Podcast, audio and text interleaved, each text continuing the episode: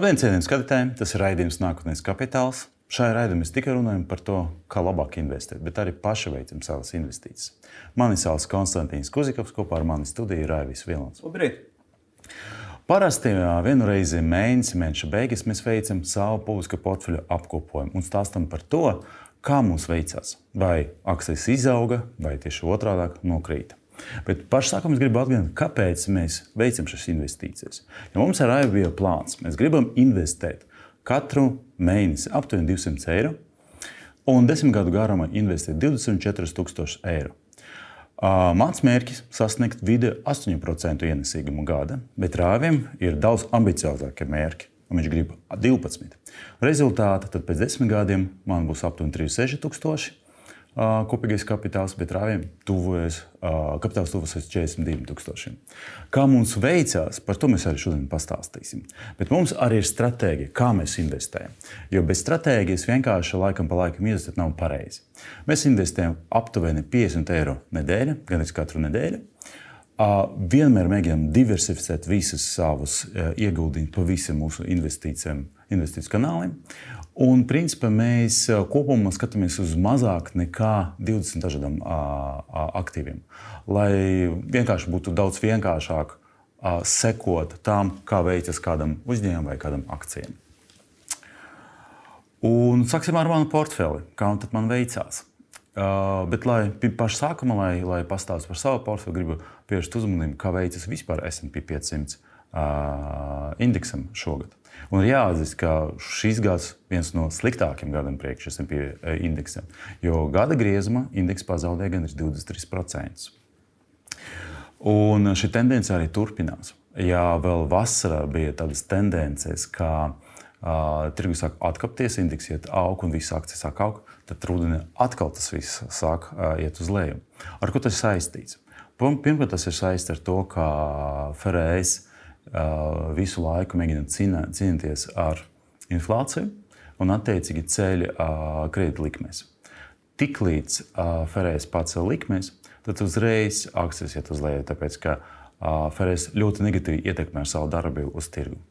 Vienlaicīgi ir dažādas versijas par to, ka Ferēs nevarēs ilgi orientēties uz inflāciju, jo kopā ar cīņu ar inflāciju nāk arī cīņa ar recesiju, kur principā jāveic absolūti citādas un pretējas darbības, ka tieši otrādi nevis kredīta likmes jāceļ, bet tas ir jāsamazina. Mēs uz šo brīdi esam ļoti neskaidrā uh, situācijā. Bet Klau, Konstantīna, kādas ir tavas prognozes uz priekšu? Tāpēc, ka, kad pēdējo reizi tika pacelta likme, ASV akciju cena tieši pakāpās. Eksperti to skaidroja, ka investori domā, ka šī ir pēdējā reize. Kādas ir tavas prognozes? Vai tu domā, ka šogad mēs vairs neredzēsim amerikāņu procentu likmi kāpumu? Tas ir tagad, ja skatāmies uz dažādiem amerikāņu banku prognozēm, ir absolūti divas dažādas nu, versijas. Viena no šīm versijām saka par to, ka jā, tā ir pēdējā, un tagad būs cīņa ar recējas, un tad, principā, visi varat iet uz augšu. Bet ir arī tas bankas, ka nē, nē, nē, vēl būs vairāk. Un tāpēc šo periodu tagad sauc par aliju. Mm. Un īstenībā daudzi sagaida to, ka mēs izturam ieraudzījis pieaugumu. Kāpēc? Tāpēc, ka uh, uzņēmumi atskaitas par saviem uh, ceļšņu rezultātiem, un šie ceļšņu rezultāti ir pietiekami labi, vēl joprojām ir labi. Un līdz ar to, ka uzņēmums sasniedz daudz labāku rezultātu nekā bija prognozēts, tad attiecīgi uz tā fona akcijas var iet uz augšu. Bet principā tas būs oktobrī, jo vēsturiski oktobris vienmēr ir tas atskaišu periods, un vienmēr oktobris rada daudz labāku rezultātu nekā septembris. Pēc tam būs novembris, un pēc tam būs decembris, un tā tālāk. Un uz, uz tiem mēnešiem jau vairs šīs, šīs, šīs, šīs atskaites neietekmēs. Un Ferēs visticamāk turpinās cīnīties. Tāpēc, kā Pagaidām nav nekādas pazīmes par to, ka inflācija ASV būs mazāka. Jo tāpat kā mēs cīnāmies šeit ar to, tāpat kā cīnās Eiropa, tāpat arī cīnās ar to visu ASV. Un tāpēc daži prognozē, ka īstenībā mēs vēl ieraudzīsim daudz dziļāku kritumu vēl nākotnē. Bet decembrī var būt nākamais rallis, tāpēc ka parasti investīciju fondu mēģina nu, izdarīt savu portfeli pirms Ziemassvētkiem, lai pabeigtu gadu ar kaut kādām akcijām, kas ir performējušas daudz labāk. Nu, paskatīsim, vai tas arī būs šogad. Bet uz šo brīdi es domāju, ka mēs vēl varam ieraudzīt nelielu kritumu tuvākā laika, kas ir saistīta ar uh, uzņēmumu atskaitēm, bet pēc tam mēs atkal iesim uz leju. Mm -hmm. uh, par runāju par manu portfeli, tad kopumā investēju 2,8 tūkstoši. Jā, precīzāk 2850, un uz šo brīdi vērtība ir 2641 eiro, kas nozīmē, ka ienesīgums ir minus 7%. Gribu vēlreiz atgādināt par to, ka par visu šo gadu SP 500 nokrita jau par gandrīz 23%. Tā kā salīdzinājumā ar SP 500 indeksu izdo, man izdevās faktiski trīs reizes parādīt labāku ienesīgumu. Uh, es nevaru pateikt, ka tas ir saistīts ar kaut kādam ģeniālam soļam. Nē, nekādā gadījumā tas vienkārši saistīts ar to, ka mēs investējam katru, mēne, katru nedēļu savus 50 eiro. Un faktiski man izdevās nopirkt gan par dārgam cenam, gan par ļoti lētam cenam. Un runājot par to tirgus krītumu, tad es domāju, ka tas ir labs laiks, lai turpinātu pirkt. Jo mēs jau esam orientēti ar ārpus desmit gadu perspektīvu un domājam, ka noteikti pēc trim, četriem gadiem mēs ierodam daudz labāku ienesīgumu, daudz pozitīvāku. Tāpēc, ka tieši tagad mēs pērkam par ļoti zemu cenu. Ja mēs runājam kopumā par segmentiem, tad faktiski visi segmenti performē daudz sliktāk, bet ko es veicu pa šo laiku? ETF segmentu es viņu pelnēju, tāpēc, ka man bija mērķis turēt ETF, kur man ir Berkshire Hathaway, man ir SP 500 ETF un ETF, kas uh, faktiski apkopo uh, baterijas ražotāju, tieši tas ražotāji, kā ražo baterijas priekš uh, automobiļiem. Un, uh, visi trīs performē slikti. Pat uh, akumulātoru ražotāji slikti performē, ka ir ļoti liels deficīts tam visam. Bet, par, uh, bet oktobrī es piepirku vēl kādu Berkshire Hathaway, tāpēc ka es mēģināju tur sabalansēt, jo man SP 500 bija uh, vairāk nekā puse no visā mana šī segmenta uh, portfeļa. Ja mēs runājam par enerģētiku, enerģētika arī iet uz leju. Un, principā, enerģētikas portfelī ir divi uzņēmumi. Viens ir, ir Shell, otrais ir, ir, ir Next, Next Era Energy. Un um, zaļa enerģētika vasarā ļoti labi performē. Tagad mēs nonākam pie rudens. Uh, zaļa enerģētika, bet šeit uz ka visam vajadz gāzi. Un, un joprojām abi ir pozitīvi, bet kopumā es tur pagaidām nekādas investīcijas papildus neveicu. Klasiski finansiāli servisos man ir viena banka, un, uh, gan Mastercard, gan Visa. Un es domāju, ka es tomēr apvienošu, tāpēc ka turēt divas akcijas, kas viena kopā otru, nav nekādas jēgas. Uh, lielākas investīcijas man bija tieši pārtika segmentā, tāpēc ka es pamanīju, ka vēl uh, septembrī tas bija uh, segments, kur es investēju vismazāk. Un vispār es skatos nevis segmenta vērtību uz tekošu brīdi, bet cik es investēju uz segmentu. Jo tad, ja es skatos uz vērtību, tad sanāk tā, ka man principā visu laiku jāinvestē tikai uz tam, uz tiem segmentiem, kas visu laiku aug. Vai tieši otrādi, man ir jāinvestē uz segmentu, kas visu laiku krīt.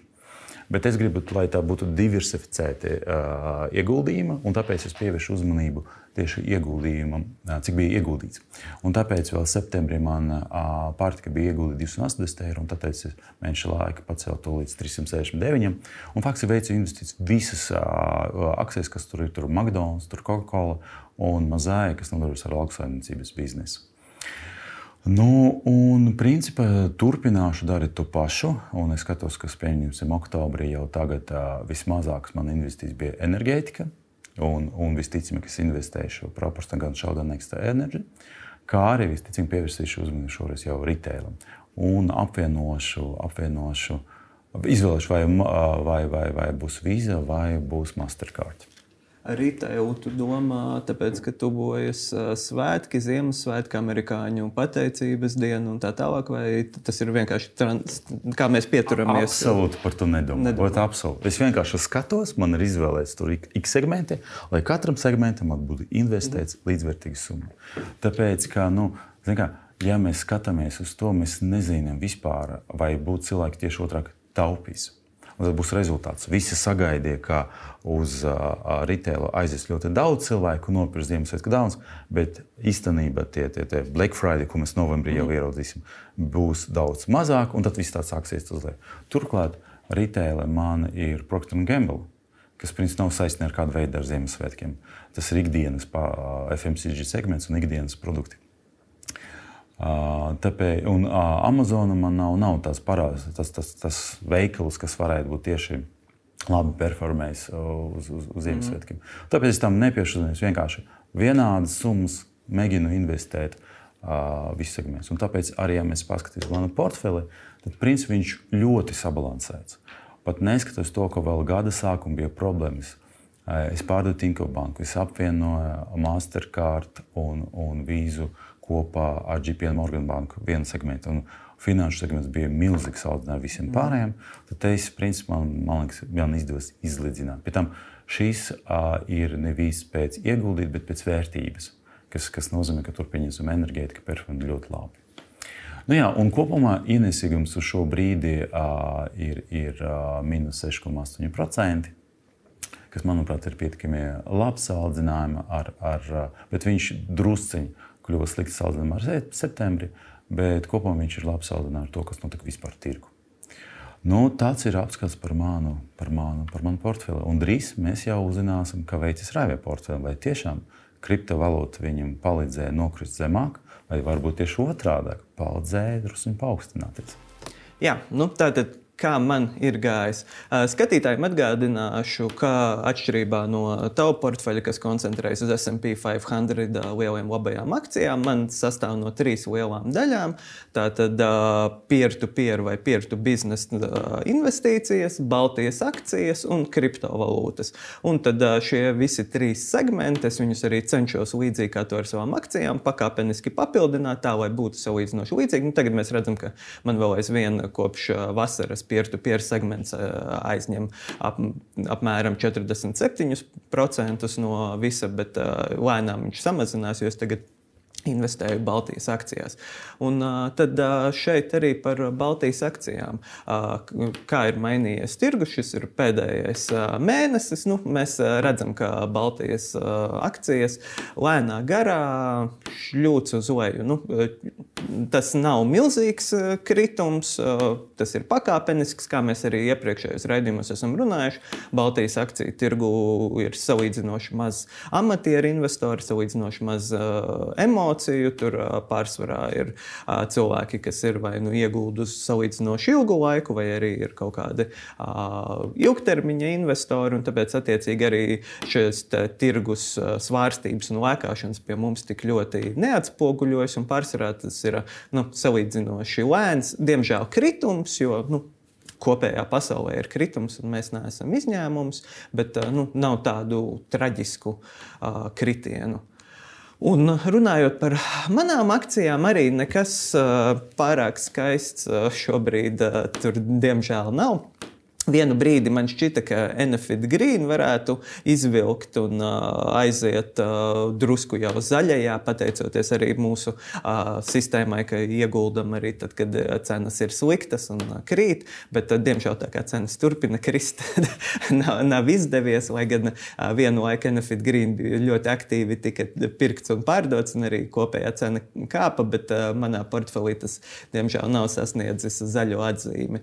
Uh, un kā šeit var redzēt, pie bilances pozīcijas ir tas, ka Es turpinu pakāpeniski papildināt. Šis ir mans uh, akciju iegāde. Attiecīgas, principā, ja es izvēlos ieguldīt Baltijas akciju tirgu, tad es visticamāk arī pakāpeniski visās akcijās nedaudz ieguldu. Un, nu jā, nu, kopumā nekādi dižie pārsteigumi vai dižie prieki nav. Nu, varbūt drusku žēl ir par, piemēram, Novaturas un Tallink, jo pēc Covid šķita, ka turisms un uh, ceļošana varētu aktualizēties un šie segmenti varētu uzrādīt labākus rezultātus. Bet, nu, uh, diemžēl tā nav. Nu, Enefit Green arī nav. Uh, Sas, lai gan principā akciju vērtība ir pakāpusies no uh, ja mēs salīdzinām ar vasaru, bet nu, jā, tas nav nekāds tāds milzīgs kāpums. Un arī Ignitis ir zemu. Un, nu, kopumā visas pārējās akcijas arī neuzrāda neko izcilu, bet kā jau es katrā raidījumā saku, ir mana uzticība ne, nesvārstās, tāpēc ka visi šie uzņēmumi, vismaz tā liecina publiski pieejama informācija, finanšu dati un tā tālāk, ir labi, saprātīgi pārvaldīti, uzņēmumi strādā, funkcionē. Nu, vienkārši šis ir tāds periods, un nu, kā mums visi mūsu viesi investori arī ir teikuši, zināma augstasinība un domas par nākotni ir svarīgas, jo nu, tajā brīdī mēs ieraugam, ai, nē, man viss ir sarkanā, ņemu visu naudu ārā un, jā, un pērku to, kas nu, tagad šonadēļ ir tāds, kas tur kāpja. Nu, tā tas nestrādā. Tas ir visinteresantākais, tā, ka tu parādīji, ka minus 4% ir Baltijas uh, tirguma kopumā ir kritums, bet uh, tas vienīgais tev uh, ETF. Baltijas mm. viņš nokrita par 10%. Tā kā ETF pat nokrita kaut ko vairāk pret, pret, pret to tirgus. Tas ir, tas ir ļoti dīvaina tendence. Bet, nu, Atkarībā no tā, kas tā ETF ir. Jā, jā, jā. Un, un kāds tur, tur tiešām ir proporcija katrai akcijai. Mm, un kurā brīdī es esmu viņu arī nopircis? Tas jo, jā. šis ir tas, kā mēs esam redzējuši, runājuši. Šis ir tas ETF, ko ir grūti iegādāties. Jā. Un tad es iespējams viņus iegādājos. Es iegādājos tad, kad viņš, viņu sanāk iegādāties, jā. nevis tad, kad es viņu gribētu.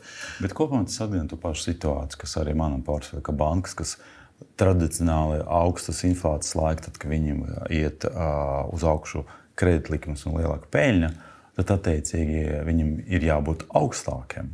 Un cena jāiet uz augšu. Bet nē, cenas akcijas. Bet mēs visticamāk to visu ieraudzīsim tikai nākamgad.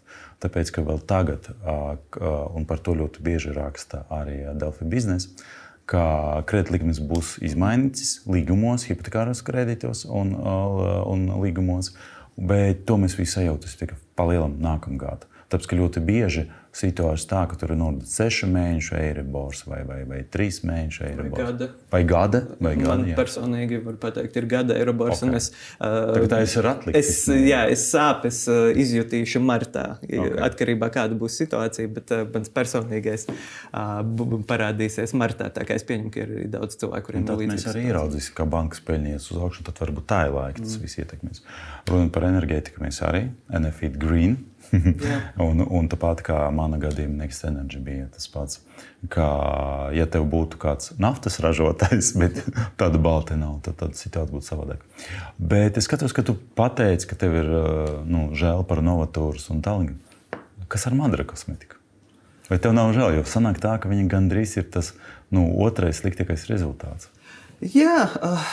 Tā, tā ir, bet kaut kā, kaut kā nav žēl, tāpēc ka es uh, Maderai kopumā arī uzticos uh, diezgan lielā mērā. Tas uzņēmums labs. Un arī um, viņi ir. Uh, nu, Kosmētika, šādi produkti ļoti izjūt uh, ekonomikas lejupslīdi, cilvēku varbūt pirktspējas samazināšanos un tā tālāk. Un, tāpēc man, man pašam, varbūt kā investoram, ir drusku vieglāk sagramot, jo es saprotu, nu, ka šis ir tāds nepārāk veiksmīgs brīdis. Cilvēki mm. nespēja tik daudz pirkt kosmētiku, lai gan ir Citas dažas teorijas, ka piemēram, sliktākos laikos cilvēki tieši vairāk sāk pirkt sev mazos niekus un atalgot mums.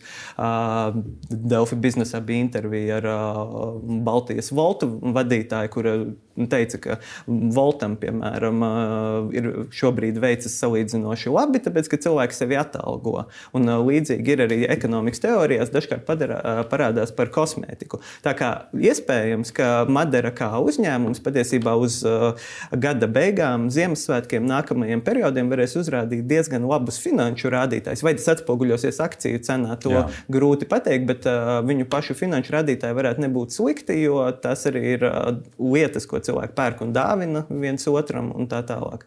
Tā kā jā, nu, es pagaidām pieeju tam visam augstasinīgi, un man uh, nav radusies uh, vēlme atteikties. Vai tu domā par virsiem? Jo, pedalā, jo tas varēja būt sabalansēt NFI kopā ar Ignitisi. Mm Tāpēc, ka viņam vairāk tas nav zaļo enerģētiku, bet attiecīgi uz to klasisko enerģētiku. Un vienlaicīgi mēs ļoti bieži pēdējā laikā arī redzam, ka viņš attīstās. Mums ir iespēja kļūt par viņu akcionāriem, ka viņi ir kotējis birža. Un viņiem pietiekami pozitīvi iesiet.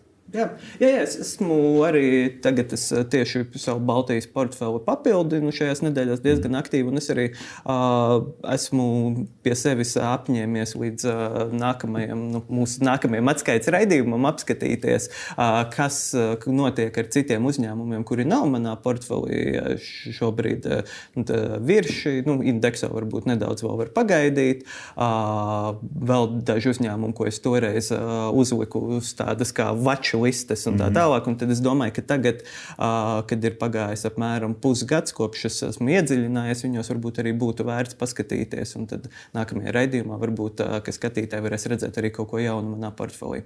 Indeksa? Nē, nu paskatīsimies. Es, es nesolu, bet es, es tiešām gribu uh, mazliet iedziļināties, padomāt, paskatīties un varbūt pa kādu vienu pozīciju. Bet mm -hmm. visticamāk, būtiski es nepalielināšu, jo uh, man jau ir uh, gan viss peer-to-peer segments, Jā. gan kriptovalūtas un tā tālāk. Un tad portfels jau paliks grūti pārvaldāms, grūti izsekojams, ja es uh, ārkārtīgi daudz iepirkšu. Mm. Tālāk. Tas par Baltiju. Tagad par, jā, šeit var redzēt arī to apmēram sadalījumu. Nu, Enefits Green pēc uh, proporcijām ir nedaudz lielāks, bet tas ar um, laiku drusciņi arī samazināsies, jo es papildinu arī visus pārējos. Un tad uh, par kriptovalūtām. Ar, to vienmēr stāstīju. Tā, tā, tā tas nav aktīvs. Tā, tā. Jā, nē, nu, teiksim tā. Uh, salīdzinot ar pagājušo raidījumu, kad mēs iepriekš atskaitījāmies, nekas būtiski nav mainījies. Sliktāk nekļuva. Nu, nedaudz sliktāk. Nedaudz, nedaudz tomēr, sliktāk. Tomēr vēl ir iespēja. Ne, ne, ne. Okay, ir, ir, ir, ir, iespēja, ir iespēja šļūkt vēl uz leju. Un, uh, ir uh, kriptotirgus analītiķi, kuri saka, ka mēs šogad vēl varētu līdz kādiem 16, 14 tūkstošiem bitkoinu cenai nošļūkt, uh, kas pavisam būs bēdīgi, jo tas jau tuvosies teju uh, septiņas, sešas reizes mazāk nekā pagājušā gada novembrī. Kā, uh, tas, tas ir diezgan sāpīgi kripto investoriem, bet nu, šajā gadījumā. Nu, tā, tā ir. Un kas ir interesanti, šeit arī var redzēt mēneša līkni, ir tas, ka Uh, ir, nu ir šie, protams, kriptovalūtās ir salīdzinoši liela tā volatilitāte. Viņas staigā daudz vairāk nekā akciju vērtība, bet kopumā uh, nec, uh, po, principā, nec pozitīvi, nec arī negatīvi notikumi baigi vairs to cenu neietekmē. Bet kas to tā, kā tad šī cena tika veidota? Nu, šī, šī ir praktiski spekulācijas tirgu okay. cenu uz kaut kādiem, te, tas kriptovalūtās, sevišķi bitkoinā, kuram vēl aizvien ir. Nu, lielākā tirgus daļa. Tā staigāšana apmēram tūkstots robežās faktiski neko mm -hmm. būtisku par tirgu nepasaka. Tāpēc, ka uh, tas, tas ir uz kaut kādiem uh, kaut spekulācijas, mm -hmm. kaut kādas uh, mazi notikumi. Jo, pie, teiksim, piemēram, viena no lietām, kas uh, nesen notika, patiesībā vairākas šajā mēnesī, uh, gan Visa, gan Mastercard paziņoja par vairākām sadarbībām tieši saistībā ar kriptovalūtām. Mastercard paziņoja, ka sad, ka palīdzēs bankām apkalpot kriptovalūtu darījumus. Pagaidām gan nav atklāts, kādas ir šīs bankas, bet principā Mastercard uzņemsies gan visas nepieciešamās pārbaudes uz saviem pleciem, notiecīgi nu, terorisma mm. finansēšana, nelegāla līdzekļu legalizācija, gan arī nodrošinās visu sistēmu. Par to Mastercard paziņoja. Vēl pagaidām nav publiski atklāts, ar kurām bankām ir slēgti šie līgumi. Savukārt Visa arī ir sadarbībā ar kriptovalūtu uzņēmumiem ir sākusi piedāvāt kartes, nu, fiziskās debetkartes, kuras var izmantot, pie, kuras pievienotas kriptovalūtu kontam. Nu, varbūt man nevajag steigties pārdot. Varbūt, varbūt jā. Un, bet Tas uh, absolūti, ja piemēram, es esmu pilnīgi pārliecināts, ja šie jaunumi izskanētu pagājušā gada novembrī, decembrī, Jā, tad, tad bitkoina cena no 70 tūkstošiem būtu sasniegusi visticamāk 100 tūkstošus, ko daži eksperti paredzēja. Uh, šajā brīdī tirgus, kriptovalūtu tirgus ir nomākts, un tur ir ļoti, ļoti samazinājies amatieru un arī patiesībā spekulantu mm -hmm. skaits. Un principā šis tā, tā tur 18,500, 19,000 līnija ir tā, pie kuras laikam nu, tie uh, kriptovalūtu tic, tie, kuri tiešām tic šīm Jā. valūtām, turās. Plus arī uh, daudzi dažādi investīciju fondi paziņo par to, ka sāks darbības ar kriptovalūtām. Uh, Rudenī sākumā BlackRock paziņoja, ka klientiem piedāvās kriptovalūtas un tā tālāk. Un tad visticamāk šo cenu notur gan šie lielie finanšu spēlētāji, kuri klusām sāk ieiet kriptovalūtu pasaulē, iespējams arī iegādāties kādus aktīvus. Tāpat tiek slēgtas sadarbības sadarbības ar kriptovalūtu uzņēmumiem. Bet uh, cena nekāpja, tāpēc ka šie spēlētāji nav tie, kuri dzen to kriptovalūtu cenu uz augšu. Jo kriptovalūtas principā kāpj un dzīvo uz cilvēku entuziasmu. Cilvēku entuziasms ir ļoti zems, amatieru investoru, tā saucamo retail investoru entuziasms ir zems, tāpēc labās ziņas neko nenozīmē. Bet arī pozitīvi tas, ka sliktās ziņas neko nenozīmē. Jo Binance, kas ir viena no lielākajām, principā lielākā kriptovalūtu birža, tika uzlausta austa. Arī tur bija zaudējumi mērāmi miljonos, ievērojami zaudējumi, bet arī tas neatspoguļojas patiesībā Bitcoin, Ethereum un citu lielo valūtu cenās. Arī tas praktiski neparādījās. Tāpēc, ka... Jā, bet tas izskatās, ka tā ir vispār ilūzija. Jā. Kas nenotiktu, nekas neietekmē. Pēc tam nekas nenotiek, un uzreiz ir kaut kādas nu, tajā, brīdī, tajā brīdī, kad uz, uzlabosies kopējā situācija pasaulē, kad amerikāņiem pazudīs bailes par saviem ienākumiem, es domāju, ka tad uh, diezgan strauji varētu būt arī tāda kopšanās. Bet, kā es pagājušajā raidījumā teicu, daži eksperti saka, ka būs jāgaida līdz 26. gadam. Okay. Tā kā redzēsim. Nu, jā, nu, mans portfelis uh, neko burvīgu, diemžēl, skatītājiem nevaru parādīt. Ir uh, ieguldīts 7, 716, uh, bet vērtība ir tikai 425. Es šobrīd arī esmu piebremzējis ar uh, ieguldījumiem, jo, uh, nu, uh, kad cena ir zema, tad ir jāpērk, bet uh, cena vēl kādu laiku būs visticamāk zema. Man arī nav lielas steigas, un tāpēc es tagad esmu izvēlējies Baltijas portfeli papildināt. Bet varbūt tas vispār tev neko kādu laiku, kādu gadu varbūt neieguldīt. Jo ir skaidra tendence. Daudzi domā par to, ka, ka kripto varētu būt tāda kā miera sāla, no, tad, kad akcijas viss iet uz leju. Bet mēs ieraudzījām, akcijas faktiski SP 500 ietekmē uz visiem. Un uh, rezultāti tur ir kritums, mēs arī redzam, ka šeit ir kritums. Un tā tālāk. Un tad mēs ļoti labi ieraudzām, tad, kad SP 500 iet uz augšu, ies uz augšu, tad mm. visticamāk arī tāds. Un tas būs signāls tev.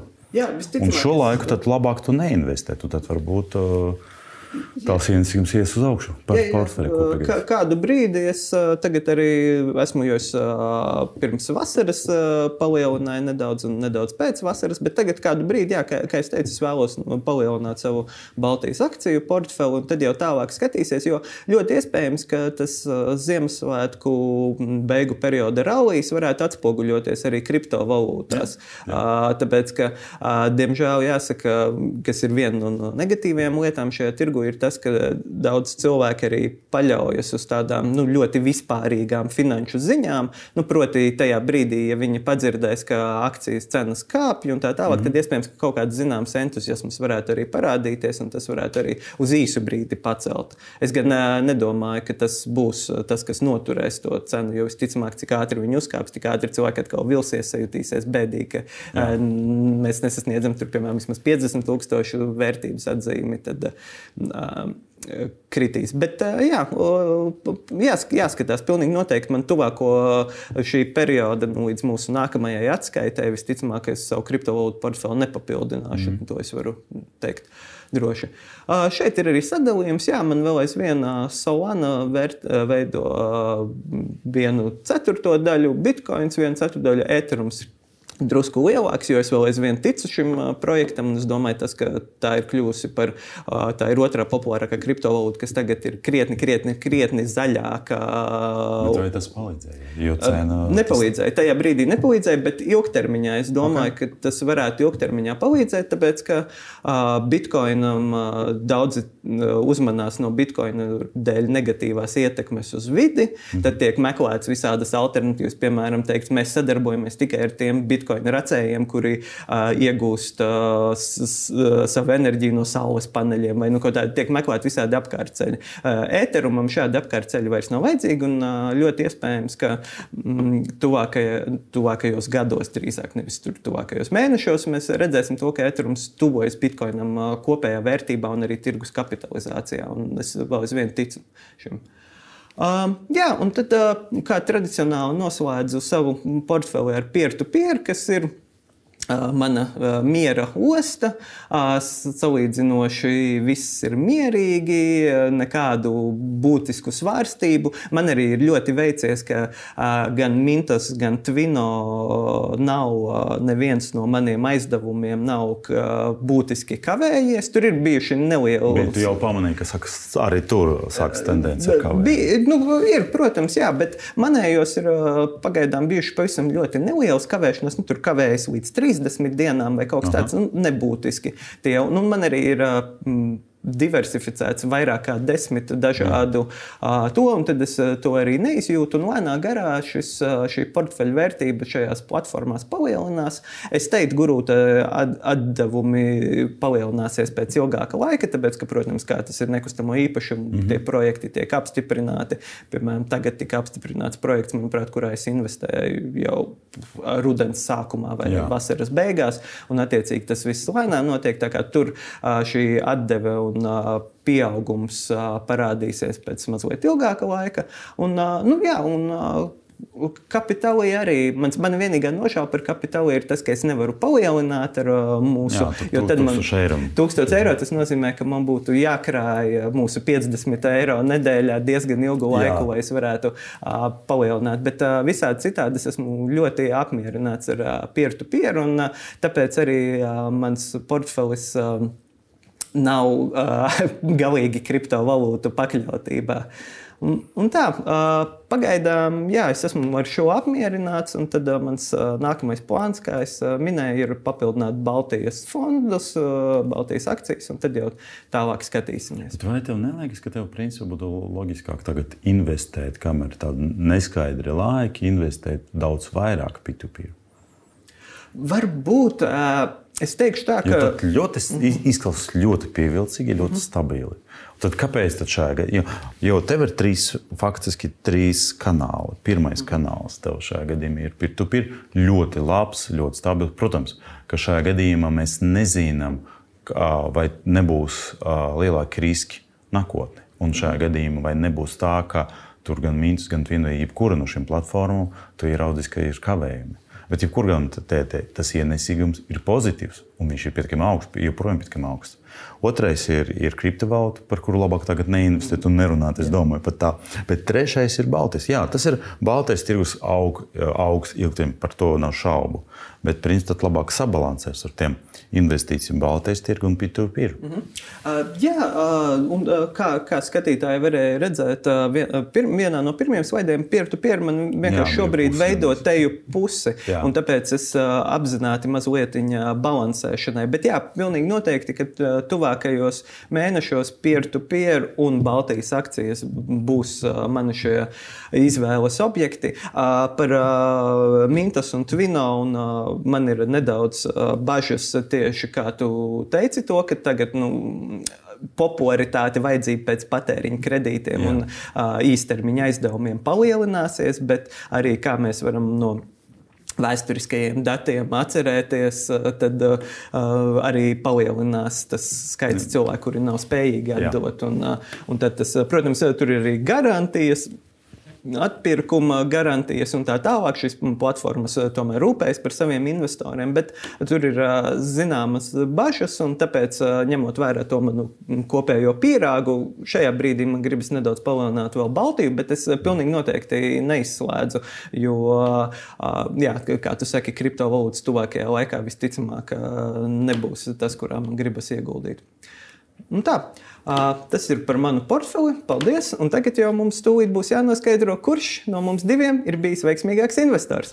Es gribu vēlreiz atgādināt par to, kāda bija mūsu mērķa. Tad, attiecīgi, es plānoju augt ar vidi ienesīgumu 8%. Rāvis ar 12%. Uz šo brīdi mēs abi investējam vienādu summu - 2150 eiro. Pēc prognozēm uz šo brīdi, attiecīgi, manam portfelim vērtība bija, bija jābūt 2561, bet rāvja vērtība bija jābūt 2618. Realitāte drusku savādāka. Mans portfels drusku lielāks nekā bija prognoze, bet tik un tā mazāk nekā es uh, esmu investējis. Un uh, tas starpība arī ar rāvja portfeļu nav tik liela. Nu, aptuveni 100 eiro. Es, es teiktu tā, kā mēs tuvojamies viens otram. Taču, ja mēs paskatīsimies globāli, tad minus 7,3% tas ir mans ienesīgums, un attiecīgi minus 10,6% ir rāvja portfeļa ienesīgums. Bet atkal, ja mēs paņemsim no bitkoinus, tad rāvis man noteikti apspēlēt. Ne tikai bitkoinus, bet visas kripto, visu kriptovalūtu. Bet, okay, tas tikai īstermiņā, ja mēs skatāmies vienu mēnesi. Jā, mēs sākam pievērst uzmanību, cik tad mēnešus viens portfels performē labāk nekā otrs. Un tad jau trešā mēnesis pēc kārta klasiskais S&P 500 indeksa akcijas performē labāk nekā alternatīva investīcija veidi.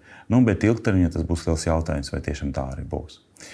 Ok, paldies, ka jūs bijat kopā ar mums.